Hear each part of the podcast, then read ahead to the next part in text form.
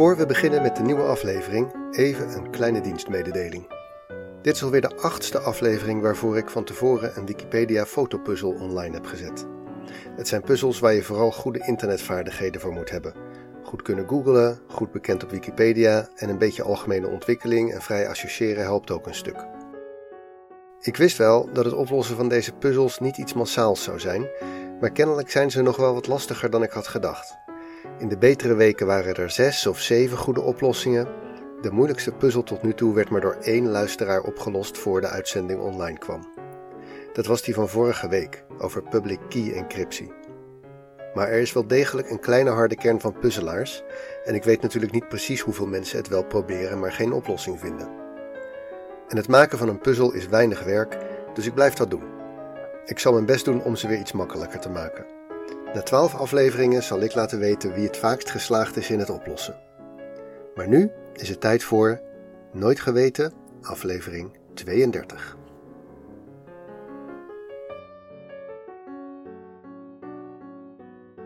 Dit verhaal speelt tijdens de Tweede Wereldoorlog. Amerika was nog niet in de strijd betrokken geraakt en deed actief zijn best om er buiten te blijven. Tot 7 december 1941. In de vroege ochtenduren van die zondagochtend pleegde de Japanse keizerlijke luchtmacht een verrassingsaanval op de Amerikaanse marinebasis Pearl Harbor op het Hawaïaanse eiland Honolulu. Een keerpunt in de 20e eeuwse geschiedenis. Niet omdat de Amerikanen grote materiële en menselijke verliezen leden, en niet omdat de Japanners die dag een grote overwinning behaalden, maar omdat de Amerikanen hierdoor onomkeerbaar betrokken raakten in de Tweede Wereldoorlog en omdat de Duitsers en Japanners daarom uiteindelijk verloren. Maar dat maakte de schok in de Verenigde Staten er op dat moment niet minder om. De hoofdpersoon van dit verhaal was op dat moment op de terugweg van een vakantie in New Mexico. Hij heette Lytle Adams, was standaards in Pennsylvania en een van de hoogtepunten van de vakantie was het bezoek geweest aan het grottencomplex van Carlsbad. Die grotten liggen in een nationaal park en kunnen bezocht worden. In de grotten wonen grote hoeveelheden vleermuizen. En een van de attracties van het Nationaal Park is, ook vandaag de dag nog, om rond de avondschemering te wachten bij een van de uitgangen van de grotten. Op een gegeven moment gaan al die vleermuizen op pad om op insecten te jagen. En die wolken van honderdduizenden vleermuizen die door de grot worden uitgebraakt, dat is een spectaculair gezicht. Maar goed, de vakantie was voorbij en Adams was in de auto op de terugreis naar huis toen hij op de autoradio het nieuws hoorde van de Japanse aanval. Net als alle andere Amerikanen was hij woedend. Die verraderlijke rotzakken. Op zondagmorgen nog wel.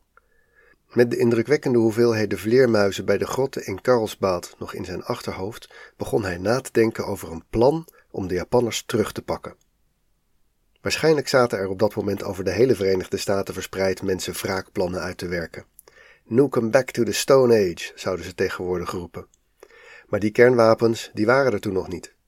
Bovendien had Adams, in tegenstelling tot al die andere woedende Amerikanen, een ingang in Washington. Hij was een vage bekende van de First Lady, Eleanor Roosevelt. En zo kwam het dat de president daadwerkelijk Adams' merkwaardige idee onder ogen kreeg. Het idee was ongeveer als volgt. Vangen duizenden vleermuizen en die stoppen we opgevouwen in kleine compartimentjes. Elk van die vleermuizen geven we een klein brandbommetje mee, bijvoorbeeld vastgeplakt of met een klein gespje.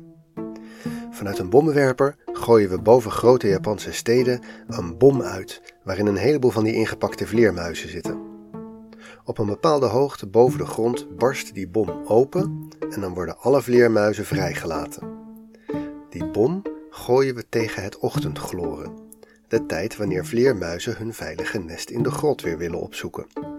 Dus die gaan allemaal op zoek naar plekjes tussen de dakspanten van de huizen van de stad. Die huizen in Japanse steden zijn allemaal gebouwd van hout en papier. Dus als een uurtje later, door een tijdmechanisme, alle brandbommetjes afgaan, staat in één keer de hele stad in lichterlaaien. Exit Tokyo. Dat zal ze leren. Voor het geval dat de president het misschien zielig zou vinden voor de Amerikaanse vleermuizen, voegt hij aan de brief toe dat vleermuizen, zoals bekend, de laagste vorm van dierlijk leven zijn en dat hun nut in de schepping tot nu toe onverklaard blijft. Toen het duidelijk was dat Amerika zich niet buiten de oorlog kon houden, moest natuurlijk in razend tempo worden omgeschakeld. Het leger moest worden opgebouwd, de industrie ingezet voor de wapenproductie en iedere mogelijkheid om via innovatieve nieuwe wapens een voorsprong op de vijand te krijgen, moest ook worden aangegrepen. De knapste koppen van universiteiten als Princeton en Harvard werden bij elkaar gezet in het Manhattan-project om een bom te maken op basis van kernsplitsing. De slimste codekrakers moesten helpen met het ontcijferen van de gecodeerde berichten van de Duitsers en Japanners. Maar naast die beroemde succesvolle projecten werden er dus ook allerlei andere projecten opgestart, die ook maar een mogelijkheid van succes leken te hebben. En dus kreeg ook het idee van de vleermuisbom een kans. Je zou kunnen zeggen dat het aantoont hoe radeloos de Amerikanen in die fase waren. Je zou ook kunnen zeggen dat je op zoek naar een verrassend nieuw wapen moet beginnen met ieder raar idee serieus te nemen en pas later, nadat je een beetje geëxperimenteerd hebt, besluiten of het iets kan worden. Hoe dan ook, toen Roosevelt het voorstel van Adams had gelezen, kwam het niet op de stapel afwijzen. Hij schreef erbij: Deze man is geen mafketel. Het klinkt volkomen uitzinnig, maar het is het waard om er naar te kijken. Gek genoeg was het vleermuisbom-idee van Adams in de geschiedenis helemaal niet zo uniek. In aflevering 3 van Nooit Geweten vertelde ik een verhaal uit de Vikingtijd, dat aan ons is overgeleverd via de geschriften van de IJslander Snorri Snorluson, de schrijver van de Edda. Toen vertelde ik dat de oudste stukken daarin grotendeels mythisch waren, maar dat de stukken die korter voor de tijd van Snorri zelf speelden vermoedelijk historisch zijn. Hier komt een stukje dat dus vermoedelijk echt gebeurd is. De hoofdpersoon is Harald III van Noorwegen, ook wel bekend als Harald Hardrade, oftewel Harald de strenge rechter. Harold was koning van Noorwegen aan het eind van de vikingtijd, zo rond 1050. Maar dit verhaal speelt in zijn jonge jaren. Door allerlei interne strijd in Noorwegen had hij de regio moeten verlaten en hij was terechtgekomen in Constantinopel, waar hij met een groepje vikings als huurling werkte voor het Byzantijnse keizerrijk. Dat was op zich helemaal niet uitzonderlijk. Er liep een intensieve handelsroute van de Scandinavische regio over de Russische rivieren via de Oekraïne naar Constantinopel en naar Bagdad, wat in die tijd de grootste stad ter wereld was. Het was dan ook niet raar om in het Midden-Oosten en in het Middellandse zeegebied vikingen tegen te komen. Deze jonge prins Harald en zijn bende brute vikingen waren dus in dienst van het keizerrijk om her en der klusjes op te knappen en ze worden al snel naar Sicilië gestuurd om daar te helpen om het eiland te heroveren op de moslims. Die hebben daar namelijk net het Emiraat van Sicilië gevestigd. Dat veroveren hield in her en der vestingen en versterkte stadjes belegeren en plunderen. Wat je vindt mag je houden. Zo komt Harald op een dag aan bij een vesting waarvan de muren zo dik zijn dat ze met geen mogelijkheid door te breken zijn. De bevolking die zich achter de muren heeft verschanst, heeft bovendien zoveel proviand ingeslagen dat ze het daarbinnen heel lang uit kunnen houden. Dan verzint Harold een truc. Hij geeft zijn mannen opdracht om in het bos vogeltjes te vangen. Die vogels, zo heeft hij gezien, nestelen tussen het riet en stro van de daken van de huizen in de vesting en komen overdag naar voedsel zoeken in het bos. Aan elk vogeltje laat hij een stukje hout gedoopt in teer vastbinden.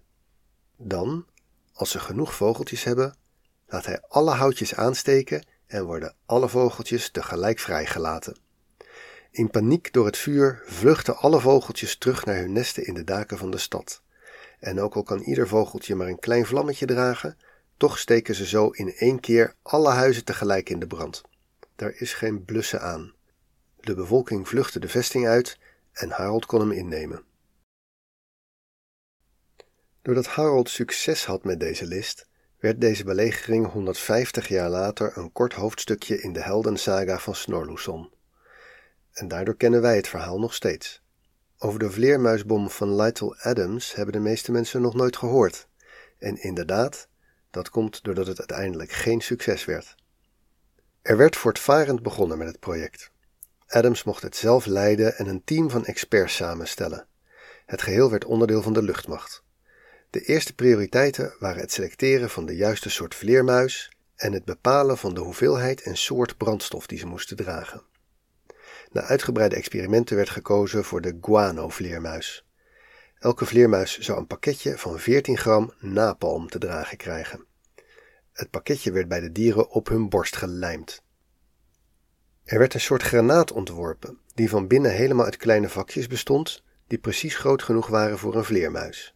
Die granaat zou dan in zijn geheel uit het vliegtuig gegooid worden en op het juiste moment zou dan de buitenwand moeten loslaten, zodat alle vleermuizen met hun dodelijke lading zouden ontsnappen. Tot zover een erg dieronvriendelijk, maar wel succesvol project. Toen kwamen de tegenslagen. Het bleek bijvoorbeeld lastig de diertjes rustig in hun containertjes te laten zitten totdat het tijd voor actie was. Dus probeerden mensen in winterslaap te krijgen door ze bij lage temperatuur te houden. Dan werd natuurlijk de uitdaging om ze op precies het juiste moment wakker te laten worden. Bij sommige tests vielen de vleermuizen als stenen uit de lucht. Hierdoor werd het project steeds duurder en complexer. De luchtmachtbasis waar de experimenten werden gedaan, brandde gedeeltelijk af toen bij een proef per ongeluk een groep gewapende vleermuizen ontsnapte. Een deel zocht een rustplaats onder de brandstofopslagtanks voor de vliegtuigen, met alle verwoesting van dien.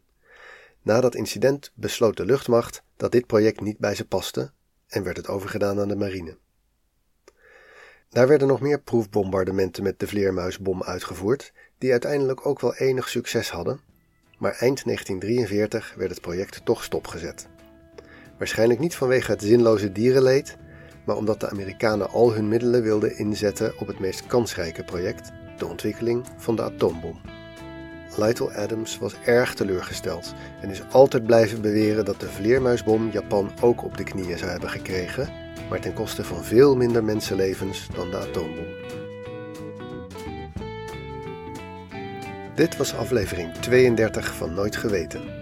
De oplossing van de fotopuzzel was, hoe kan het anders, de pagina Vleermuisbom. Nooit Geweten is een hommage aan Wikipedia en alle informatie die je hebt gehoord komt daar vandaan en soms van bronnen waarnaar Wikipedia linkt. Je vindt meer details over dit onderwerp via de links in de show notes. Ook vind je in de show notes gewoon weer een Wikipedia fotopuzzel waarmee je kan uitpuzzelen waar de volgende aflevering over gaat. Veel dank aan alle schrijvers die hebben bijgedragen aan de artikelen, aan de makers van de muziek en natuurlijk aan jou voor het luisteren. Dan nog een goed voornemen van mij. Ik zal de rest van dit seizoen niet meer zeuren om reviews en abonneren en donaties aan wie dan ook. Mag je allemaal zelf weten. Er zijn inmiddels voldoende positieve en heel aardige beoordelingen op allerlei podcast-sites, dus als nieuwe luisteraars al op dat soort zaken afgaan, dan is het nu wel genoeg. Wat volgens mij belangrijker is voor het succes van Nooit Geweten, is als je vrienden en bekenden op een aflevering wijst. Als je denkt dat het echt iets voor hun is. Dankjewel.